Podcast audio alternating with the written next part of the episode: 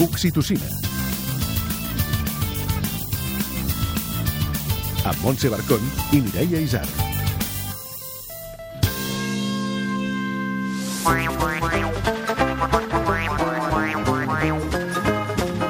A veure, a veure, a veure. Què, és la hiperpaternitat? Uh. Busquem fer nens perfectes? Ai, no, treu, treu, treu. ai, ai, ai. No, ni, ni parlar-ne, vamos.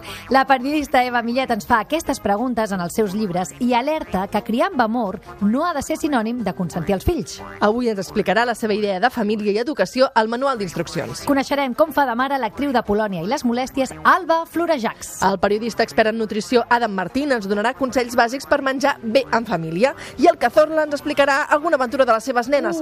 A més a més, avui manualitats per fer casa. Oi, que bé. Tot això i alguna coseta més a l'Oxitocina! Tu, tots, tothom.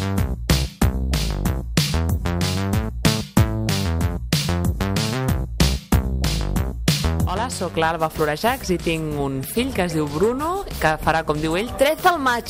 Què és el millor de ser mare? El millor de ser mare és que tornes a descobrir el món de zero. I el pitjor? El pitjor el primer any. Digues el record més divertit de la teva experiència com a mare. Doncs ell diu una paraula ara que em fa molta gràcia, que és... Això és molt difàcil. Que la vida és una mica així, difàcil, no? I el més bonic? L'esmorzar, el primer moment del dia, les vacances, que fas molt vincle. Reivindica. Doncs jo reclamo la tribu, que l'hem perdut per complet, per eh, poder educar el nen d'una manera més fàcil i, i evidentment, la conciliació, la conciliació familiar amb la laboral.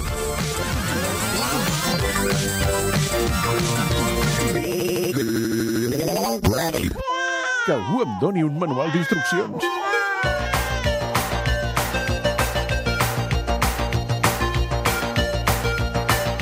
Segons la convidada d'avui, hem passat del model del nen moble a posar el nen dalt d'un altar.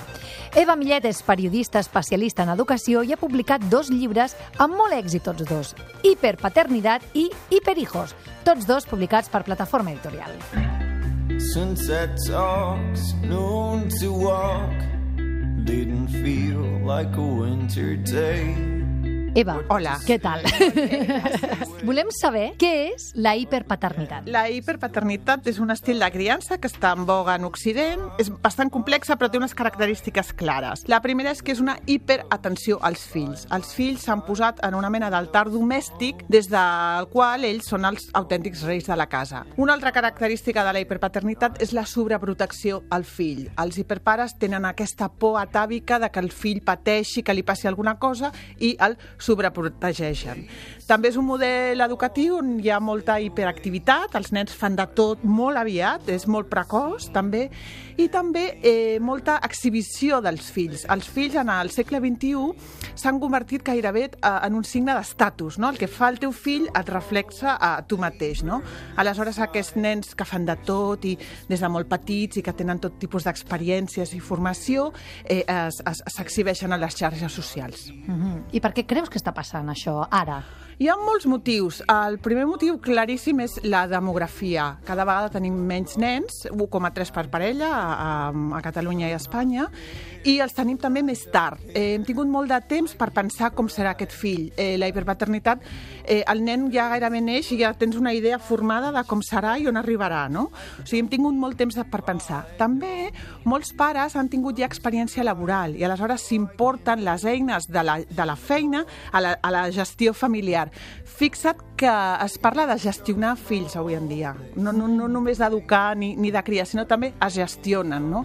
Aleshores, tanmateix, estem en, un- en uns moments de molta incertesa, eh, sembla que tot vagi fatal i que els nens mai trobaran feina, que el món laboral s'acaba, eh, i aleshores els pares estan molt nerviosos, o sigui, hi ha una ansietat extra en la criança, i aquesta ansietat extra fa que es dediquin molts esforços per formar un superfill. O sigui, que prioritzen què sap aquest nen, on pot Sí. arribar, Sí. a què sent, no? Segurament. Exacte. Sí, eh, també és molt interessant perquè tu tens aquests nens... Els pares en, a la hiperpaternitat es, tenen molts rols. Eh, un d'ells és com aquests pares que estan a, assistents personals dels fills, no? Fan els deures amb ells o fan els deures per ells, els vesteixen, els ajuden, els gestionen l'agenda, fan tot.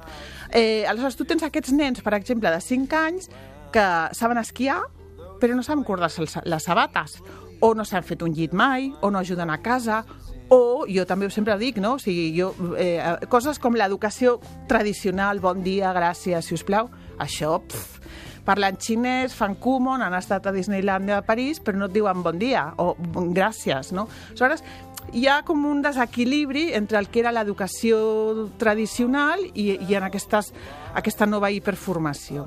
I pot ser, trobo que s'ha de tenir molt temps per, per estar així tan a sobre el teu fill. Pot ser que sigui a unes determinades classes socials. Què passa, Sí, això? eh, la hiperpaternitat és un model de classes mitjanes i altes perquè si educar un fill normal, mainstream, ja costa temps, diners i esforços, eh, educar un hiperfill és, esgut, és, és, és, encara, o sigui, és una inversió encara més important dins d'aquesta idea del fill com un producte, no? I el que passa que, que és un model de criança que provoca molt estrès familiar.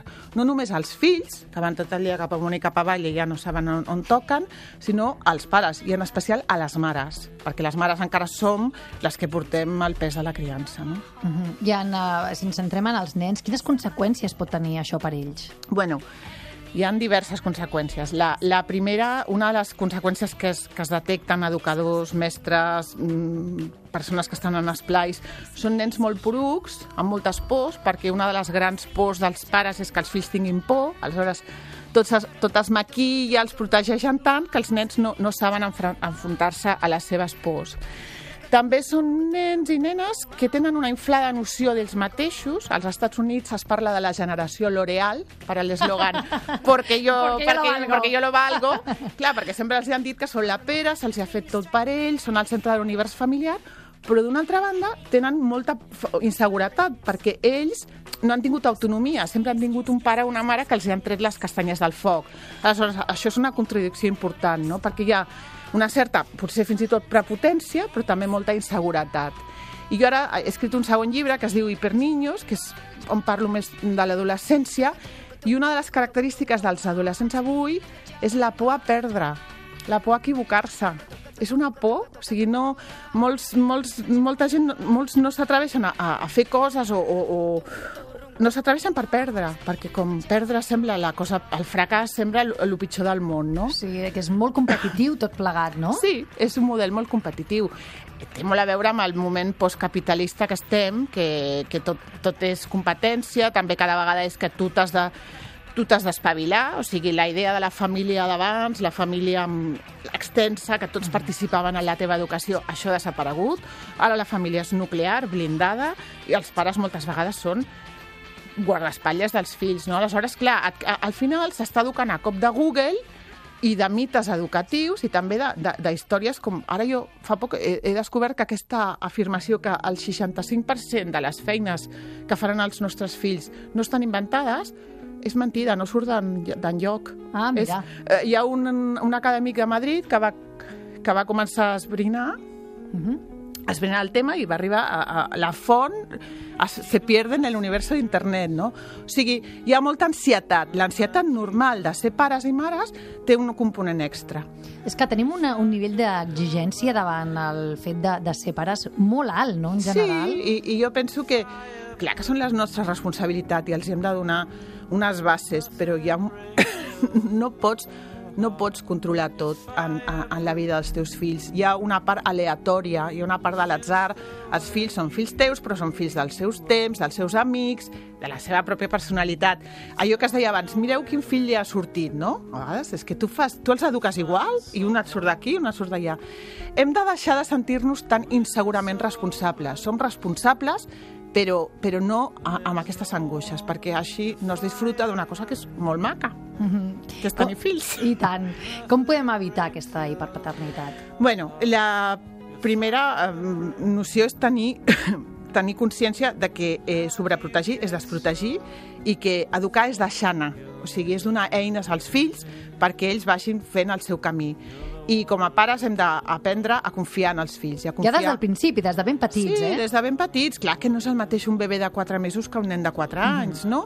Però el fill és capaç doncs, d'anar-se a dormir, de, de dormir-se sol, de menjar sol, de pelar-se la fruita. L'altre dia m'explicaven un pare que ha d'anar cada dia, ha d'estar a l'hora de sopar a pelar-li la, la, la fruita al seu fill, que té com 11 anys. Uh! O sigui, clar, és que és deixar anar, és deixar anar i donar-li les eines, no?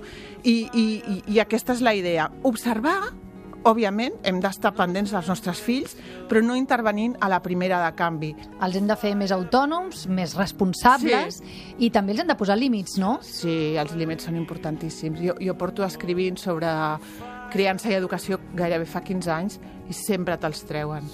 Eh, no es tracta de ser un dictador, la família no ha de ser una dictadura, però la família no és una, no és una democràcia, hi ha una jerarquia i a dalt estem nosaltres, que som els, els, els adults responsables que els hem volgut tenir, no? Els nens necessiten límits, necessiten saber quan poden jugar, quan no, quan han de no dormir, quan han de... O sigui, els necessiten, els necessiten, i ja no dic els adolescents. No hi ha més trist que un adolescent sense límits. I què fas quan et diuen que no, que no, quan bueno, se't reboten davant d'un límit? Quina és, actitud? és, eh, gestiones i, i, o, o, et poses ferm. Doncs pues no, no, eh, no és no. Ara, no es tracta de dir que no tot el dia, però s'ha de dir que no. Però els límits estan molt passats de moda, eh? Ara, és, ara tot se'ls ha de preguntar... A les meves xerrades la gent es riu molt perquè una cosa que dic és que hem de deixar de preguntar-los tot als nens. Vols anar aquí, vols anar allà, vols seure, vols dormir, vols menjar, vols anar de vacances... Perquè, clar, si no som uns fatxes si li diem al nen que s'ha de seure allà, no? Clar, i molts cops ells encara no estan preparats per contestar la majoria d'aquestes preguntes, exacte, no? a més els, li estàs posant una responsabilitat al nen que no li toca. Al nen no li toca decidir a quina escola vol anar, O què és dina, o què és o, o què sopa. és dina, o quines vacances hem d'anar. Som nosaltres els que hem de decidir, no? Quan som més grans ja van decidint. Però aquesta idea de preguntar-los tot, a mi em fascina. Música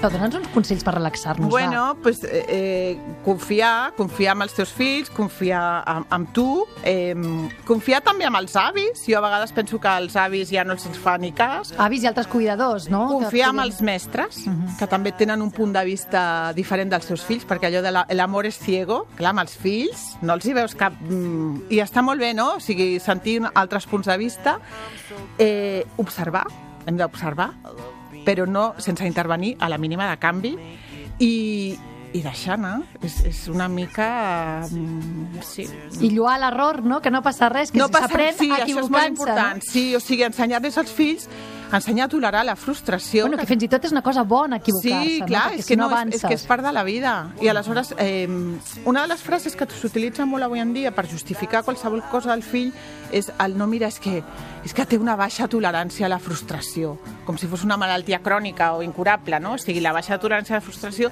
es pot entrenar. No es tracta de frustrar el nen tot el dia, però sí que no passa res si t'equivoques, si falles, si perds, no passa res. Es pot, es pot sobreviure a un fracàs, no? I, i un, altre, un altre consell important és temps lliure. Deixar els nens temps per jugar. Els nens avui en dia no estan jugant el que haurien de jugar. Les extraescolars, eh? Sí, tenen agendes de ministre, que dic jo. I en aquesta carrera, per, per aconseguir l'hipernen, ens estem carregant un dret de la infància que, a més, jo crec que és la millor extraescolar, el joc, mm. perquè aprenen la vida jugant, no?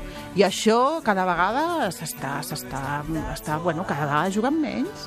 És una mica horrible, perquè hi ha nens molt desemparats i hi ha nens hiperprotegits, no? Es, també s'està polaritzant aquest aspecte de la societat, no? Jo veig que el punt mig cada vegada és, és més llunyà. Han de jugar més. I para todo lo demás, si voleu més informació, consulteu les 3 www.educados, dos amb número, Sí, punt info. info és el meu blog, que recullo notícies que ajuden a educar. I trobem uh, tot això augmentat i molt millor, molt ben explicat a dos llibres que són Hiperpaternitat i Hiperniños de plataforma actual. Sí, que és hijos perfectos o hiponiños, no? Una mica aquesta idea de donar-li tant al nen que al final el deixes desprotegit. I, i aleshores aquesta búsqueda de la perfecció redunda en un nen que, que, que no té eines per, per desenvolupar-se. Doncs eh, escolta, moltíssimes gràcies. Eva, eh, esperem que, que ens relaxem tots plegats una miqueta, sí, eh? Sí, sí, sí, sí. La vida és molt llarga i l'educació és un procés a llarg plaç. Això, vinga, No moltes gràcies. Gràcies a vosaltres. Adéu. A tu.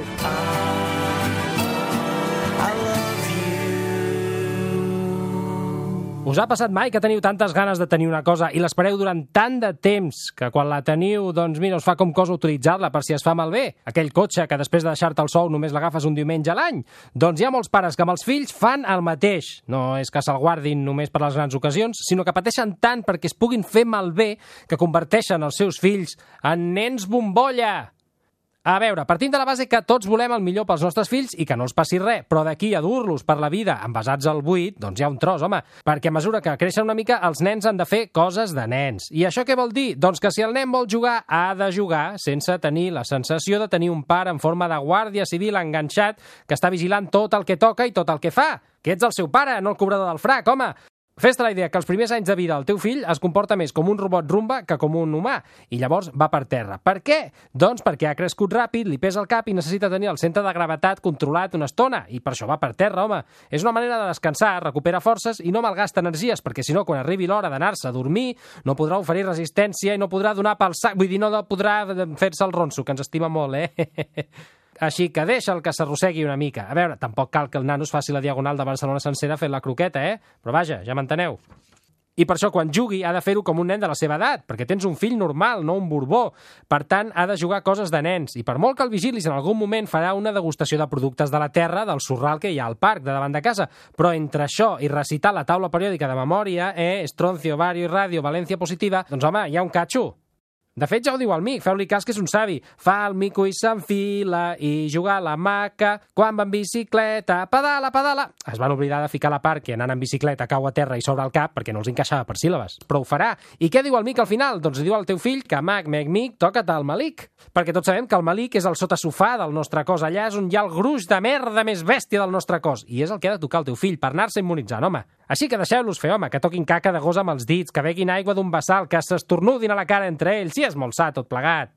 Perquè comences patint i sobreprotegint el teu fill com si fos un Ferrero Rocher al mes d'agost enmig del passeig marítim de Comarruga i acabes fent-los a la teva mida i semblança i els enxufes tots els teus traumes. Nens que el més rodó que han vist a la seva vida és el moc que es treuen pel matí i els apunten tres dies per setmana a futbol, home, que això és un trauma teu, que està claríssim que ha datat els teus gens futbolístics, que eren nuls ja, home. No volqueu frustracions en els nens, que hi ha pares que apunten els fills a tocar el clarinet, el clarinet! No la guitarra elèctrica per lligar ja de ben petits i assegurar-los que tenen un munt d'amics i amigues que flipen amb ells. No, no, els apunten a tocar el puto clarinet. Va, home, va! I una última cosa, si plau. Deixeu de parlar en plural. No sou els portaveus dels vostres fills. Saben parlar, malament i poc, però saben parlar. No cal que aneu tot el dia dient «Ai, doncs sí, ara anem al parc, oi que sí, Jordiet? Digue-li, fill, digue-li, digue-li, digue-li. I digue-li que avui vigilarem molt amb la sorra, eh? Que l'altre dia vam agafar un carmelet de terra i ens el vam menjar. I vam tenir cagarrines tota la nit. De veritat, és molt lamentable. No li creu aquests traumes al vostre fill. Feu el favor. Deixeu-lo que parli s'expressi amb llibertat. Llibertat d'expressió que després van arrossegant el trauma tota la vida i acaben a Telecinco en un programa de tardes agafant coses del terra i ficant-se-les a, a, a, a això, que els deixeu que facin la seva. Oxitocina.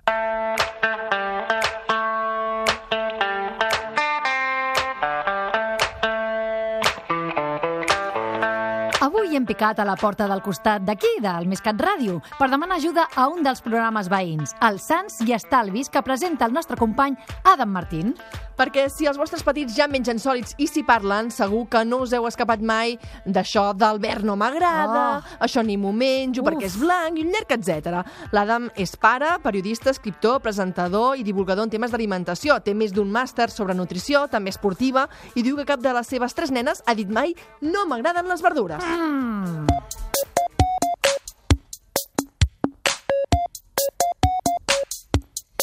Adam, necessitem urgentment que ens diguis els 5 consells bàsics per aconseguir una bona alimentació pels Tota la nostres vida fills. preparant-se fent dos màsters i ara tu. Cinc. En Tot 5 minuts en cinc, vull eh? que m'arreglis la vida, m'entens? Ai, ai, ai. Bueno, si haguéssim de triar cinc, cinc coses... Eh, és que m'ho poseu difícil, eh, també. Sí, a Tu més a pots, més, tu pots. clar, amb aquest context, no, que les famílies viuen estressades, que tenim poc temps per cuinar, Sí, que no sí, són sí. previsors... Sí, Sí, però ja és molt sé, important, com això. dius tu, per, per, per estar millor i per, per ser fins i tot feliços, no? Sí, jo estableix una relació directa entre alimentació i felicitat. De veritat, eh? No, però no és Sí, cap sí. cosa espiritual, és una cosa material No, no, i- podeu notar els efectes ràpidament, no? Faltaria més. Si menges bé, funciones millor, per tant, és més fàcil ser feliç amb el teu entorn laboral, professional, sentimental, sexual, el que sigui. I tant. I ja està. A veure, eh, consells, consells. Comencem pel primer, va. El primer, uh, que és un clàssic i que estic avorrit de dir-lo, però que s'ha de repetir moltíssim. S'ha de menjar aliments reals. Què són els aliments reals? Tots aquells aliments que no són aliments ultraprocessats. Per què és tan important això? Doncs perquè els aliments ultraprocessats són aliments fabricats uh, per la indústria alimentària que estan dissenyats per agradar-nos, que fins aquí està bé, però que tenen una, fe, una sèrie d'efectes col·laterals eh, desastrosos per la salut, com que estan relacionats directament amb moltes de les malalties transmissibles que patim avui en dia. Obesitat, diabetis, problemes cardiovasculars, etc que comencen amb, eh, quan són petitons. Ara cada vegada hi ha més crios que tenen problemes d'adults.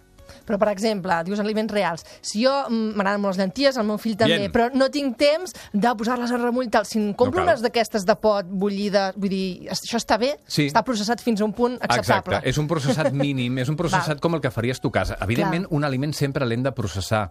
Qualsevol aliment de processar. Hi ha poques coses que no, eh? Una poma no. Te l'agafes i te la menges. Però unes llenties les hem de processar, les assequem i després les bullim, per exemple.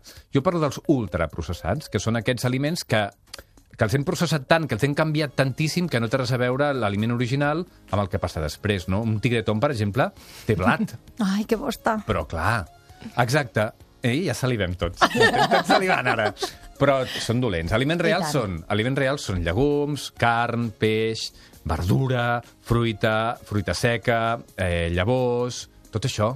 El de tota la vida, ja està. El que, ja el està. que fa 300.000 anys que mengem. Clar que sí. Anem pel segon consell. Vinga, va.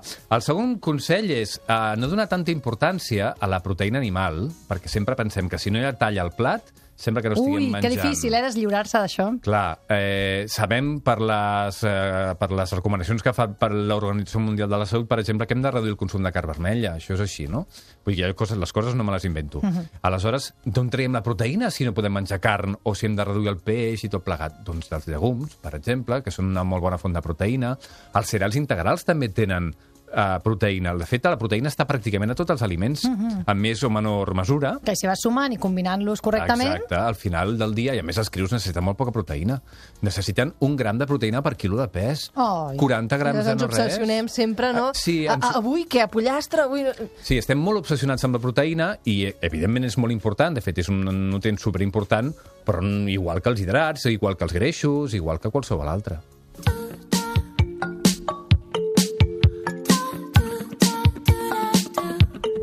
Tenim els aliments no ultraprocessats, la importància, mm, restar-li importància a la proteïna animal. Anem pel tercer.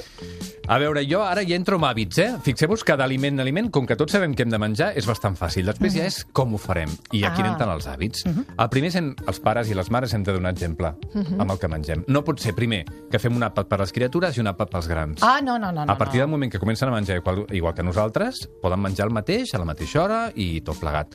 Eh, o tu menja verdures que jo menjaré uns chetos. No. D'amagat. criatura. Sí, cada amagat, no que jo pot una vegada ho he fet, eh? Això no pot ser, perquè aleshores diuen, eh, un moment, què està Clar, passant? Clar. Clar, llavors és, és com vols que t'imitin, que imitin un comportament adequat, si vosaltres en parleu d'aquests temes, els hàbits. Si fem el mateix amb l'educació, perquè no hem de fer el mateix amb l'alimentació, que al capdavall és educació, també. I tant. Doncs aquest és important. Un altre, també, no obsessionar-se amb els crios que no mengen, amb les criatures que no mengen, Ai, o sí, que mengen a poc a pobrets. poc. No els podem obligar a menjar. No els podem, um, no els podem fer xantatges. Si no t'acabes això, aleshores no passarà allò altre. Si tu menges, et donaré un gelat. Imagina't, si et menges la pastanaga, et donaré un gelat. Clar, Tot clar. molt coherent. Sí, sí. Què estàs dient aquí? Pastanaga, caca, per menjar-te la caca, cosa bona, gelat. Clar, Aleshores, clar. el nen de 2, 3, 4, 5 anys, per sempre més Ja està programat. El gelat amb un premi, amb una cosa positiva, i en realitat no ho és des del punt de vista nutricional. És una cosa que està bé doncs, per fer alguna excepció de tant en tant i ja està. I llavors, si el nen per això passa una època uh, més complicada a l'hora de menjar, que et rebutja el que tu li ofereixes, s'ha de fer? Doncs tranquil·litat, i si no menja, Sí. que no mengi. I ja Sí, està. sí, exacte, sí, ja I no està. fer cap tracte, no fer cap No. pacte... No, no. Els estudis, tots els estudis, la majoria ens diuen que, tret de casos molt puntuals, els nens i les nenes s'autoregulen sols amb l'alimentació i tenim tots l'obsessió de dir és que no he menjat i si mires al llarg del dia tot el que anem menjant, encara que sigui un bocinet de pa d'aquí, una mica de no sé què. Al final del dia ha menjat més o menys una quantitat raonable de, de menjar. Per tant, no t'has de, no I que és molt preocupar. important que, que a l'hora de dinar sigui una, una estona amable, alegre Exacte. i que no relacionen en conflicte en cap cas, no?, a l'hora de menjar. Exacte, i menjar en família també és molt important. També els estudis ens diuen que totes les criatures que mengen en família, després, quan són grans, prenen decisions alimentàries millors, hi ha menys obesitat, bé, per moltes raons, eh? per el ritual que hi ha, per aquesta vinculació emocional que fas amb l'alimentació, per tot això. I la tele apagada, Sí, per favor. eh?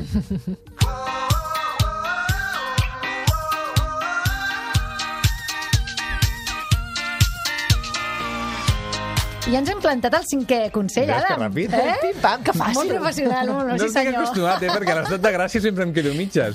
Eh, el cinquè també té a veure amb, eh, amb els hàbits, però en aquest cas és, és saber fer excepcions. Uh, evidentment que és molt millor que mengin verdura, fruita, cereals integrals, llegums, tot això que hem dit abans. Evidentment. Però el món és el que és, estem envoltats de màquines de vending, de festes d'aniversari, de milers d'excepcions, i hem de saber triar bé les excepcions que fem amb les criatures, perquè si no, creem tensions que no són necessàries. Uh -huh. si, si tu portes el teu criu a una festa d'aniversari... Mhm. Deixa que mengi dius, tot. Només pots menjar res, Clar. perquè realment no Els pots menjar... trossets de formatge. Sí, realment en una festa d'aniversari no es pot menjar res, és tot un desastre. Sí, sí, sí. De fet, és el sentit que té també una mica, és igual, és una festa, Clar. no? Doncs aleshores te n'has de despreocupar, perquè el que compta és el que fas al llarg de tot el dia o al llarg de tota una setmana alimentàriament, no el que fas durant dues hores en un moment d'una festa d'aniversari. Clar, i, i també que no relacionin el menjar amb la culpa, no? Tornem a, Exacte, a evitar exacte. aquestes relacions emocionals entre el menjar i... Sí, senyor, sí, senyor. A- Aquest és el tema, bàsicament, que no, que, que no se sentin malament per com mengen, no? Jo menjo diferent, però aquí menjo igual que els altres i no hi ha problema. Adam, entrem en un tema realment conflictiu. Uh, un capítol a part mereixen els esmorzars i els berenars perquè quan tu apareixes a l'escola amb la teva poma talladeta eh? i al costat hi ha uns micados unes galetes príncipe, uns croissants de xocolata gegants, el teu fill et mira amb cara d'odi i tu no saps què fer i, i que, Mira. que, com arreglem això, per favor? No Ajuda'm. pots, no pots. Aquest és, aquest és el 5 plus, eh? El consell 5 plus. Eh, no pots... A veure, mira, tu imagina't que vius en un món on totes les criatures creuen al carrer sense mirar el semàfor. Totes! I el teu fill et diu, mama, tots els altres creuen al carrer sense mirar el semàfor, deixa'm fer-ho a mi. Aquest dubte te'l planteges? Em diries, no. què faig? No, clar, clar. Clar, amb l'alimentació passa el mateix, però molt a llarg termini. Si sempre em mengen aquests eh, productes que has dit tu, al final, al llarg del temps, passarà alguna cosa negativa a la seva salut. Doncs escolta, quan et digui tu diu mama perquè em dones poma, tu saps que estàs fent una cosa ben feta. Els berenars han de ser el mateix que els altres àpats, fruita seca, entrepans de, de cereal integral, amb embotit de bona qualitat, o amb formatge, o amb productes vegetals, eh, fruita, totes aquestes qüestions. I l'altre és que els nens creuin en vermell un semàfor quan no toca. El que passa que passa l'accident molt lluny en el temps i no el Clar, veiem. és difícil, els efectes no els veiem immediatament. Tu Clar. porta el ben ràpid de la Però Sí, sí, això no. I tant, i després, clar, ell agafa els micadors de tot arreu, en el parc, Oh, es, va, es passen... trafiquen amb els berenars. Oh, clar. D'amagar, i el veus allà ple de xocolata i dius, ja està, és que és Bueno, però és inevitable. igual, però després arribarà a casa, li donaràs un sopar com Déu mana i ja ho tindrem. D'acord.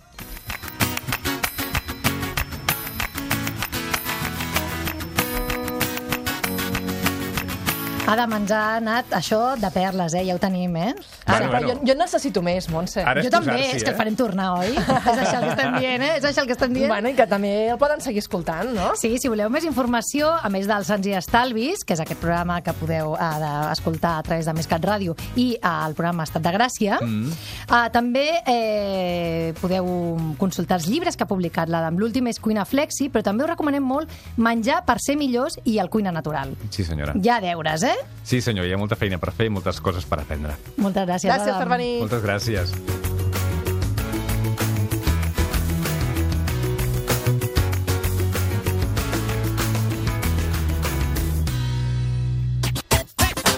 Ens quedem a casa. Vinga, va, avui juguem a les fosques. Vols dir, vols dir? Me fa por, va. val. Agafeu una o dues o tres llanternes, totes les que trobeu per casa, paper de cel·lofana de colors i, si us animeu, cartolina retallada fent siluetes diverses que el vostre fill o filla pugui reconèixer. Tanqueu-vos a una habitació i jugueu amb les ombres, la llum i els colors. A més de canviar el color de la lot i de fer ombres xineses amb les cartolines, podeu posar la llanterna sota llençol, Oh. sota la samarreta del nen, que, Oh. que, que li farà molta gràcia, o fins i tot si teniu ampolles sensorials com les que us vam explicar fa unes setmanes, podeu projectar projectar-les a la paret. Aquest joc emocionarà tant una criatura de mesos, que quedarà meravellada, com una de més gran que hi pot participar i experimentar per ella mateixa. I els adults també? També, també, també.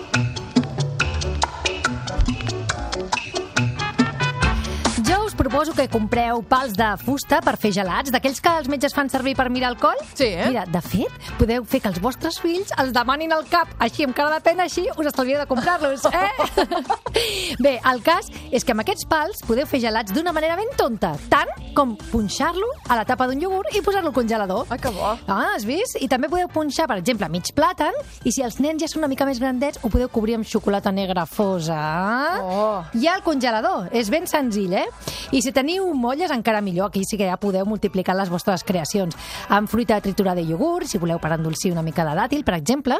O fins i tot podeu fer gelats de llet materna si teniu bebitos que els estan sortint les dents. Doncs els hi anirà la mar de bé. En fi, remeneu pel món de les receptes que trobareu mil idees ben sanes. Ai, quina gana.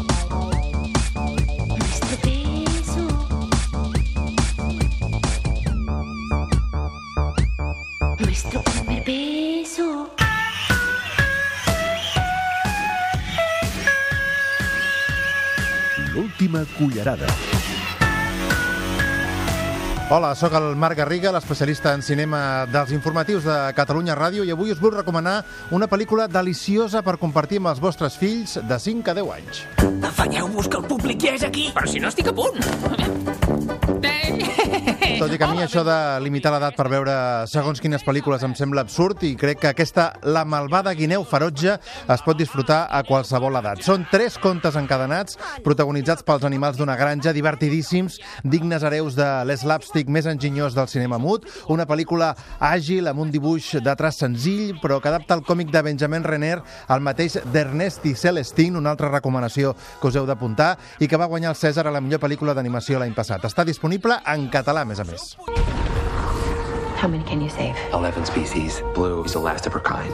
I també en català, Jurassic World, El regne ha caigut, la joia de Bayona sobre la idea original de Spielberg, que us permetrà mantenir llargues converses amb els vostres fills, una mica més grans, això sí, per explicar-los com vau créixer somiant a viatjar algun dia a un parc natural ple de dinosaures. I si voleu que la lliçó sigui a la inversa, doncs acompanyeu-los a Avengers Infinity War. Sereu vosaltres, llavors, qui els preguntareu sobre aquest Marvel Cinematic Universe. The man who proved raptors can follow orders. You never thought how many millions a trained predator might be worth? They're gonna sell them. Not blue. They need it for something else. What is that thing? They made it. This is the most dangerous creature that ever walked the earth. La dosi d'oxitocina setmanal s'acaba aquí. Si en voleu més, en trobareu al grup de Facebook, al blog del programa i al podcast.